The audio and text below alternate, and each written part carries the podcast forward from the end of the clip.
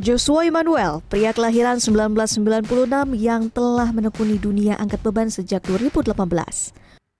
Olahraga powerlifting sendiri bertujuan untuk meningkatkan kekuatan dan ketahanan maksimal.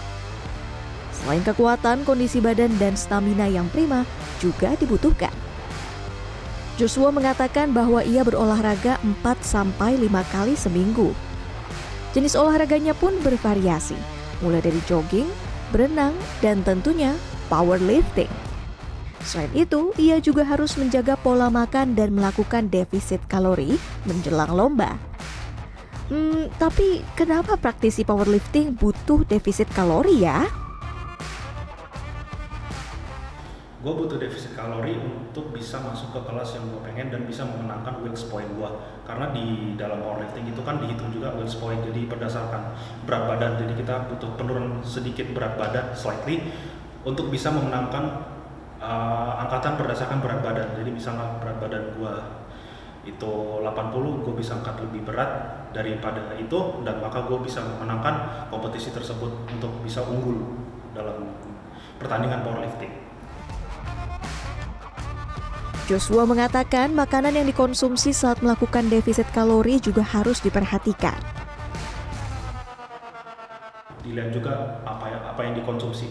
Kalau bisa ya yang kayak gue bilang tadi kurang-kurangin minyak, santan, gula-gula gitu-gitu yang banyak kalori atau hindari proses food.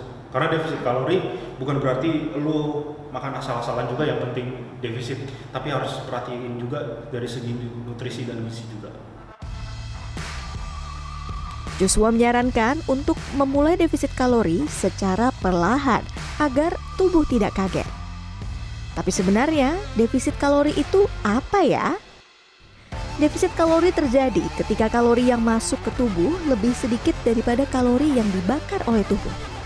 Menurut Ketua Indonesian Sports Nutritionist Association atau ISNA, defisit kalori tidak semata-mata hanya menurunkan asupan kalori saja, tetapi juga harus melakukan upaya untuk mencukupi kebutuhan gizi yang vital dengan cara memilih makanan yang memiliki rendah kalori namun padat akan protein, sumber mikronutrien, mineral, dan vitamin.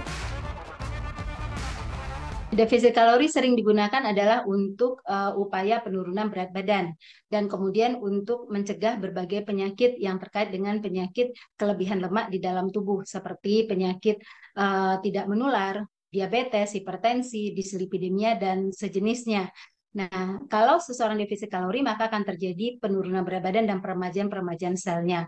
Tetapi kekurangan defisit kalori jika tidak seimbang itu akan berdampak pada kekurangan zat gizi vital lainnya. Secara normal rata-rata kecukupan gizi untuk laki dan perempuan memang berbeda. Kalau untuk perempuan itu angka kecukupan gizi yang dianjurkan untuk uh, kebutuhan energi normal itu lebih kurang 2100 kilokalori. Sedangkan untuk laki-laki adalah 2300 kilokalori. Nah, ketika seseorang melakukan pembatasan energi, biasanya diet rendah kalori itu dimulai dengan angka 1200 kilokalori sampai 1500 kilokalori. Nah, tetapi pendekatan defisit kalori disarankan adalah tidak rata-rata tidak general seperti menggunakan 1200 sampai 1500 kilokalori, tetapi lebih kepada personal. Nah, harus diingat ya bahwa defisit kalori bukan berarti kita tidak makan. Kita tetap makan makanan beraneka ragam, tetapi harus bisa mengeliminasi makanan-makanan yang memiliki kalori tinggi namun rendah di gizi. Seperti contohnya gula, goreng-gorengan, tepung-tepungan, dan harus juga diimbangi dengan olahraga setidaknya 150 sampai 300 menit per minggu. Laurencia Gata, Fordanto Bimantoro, Jakarta.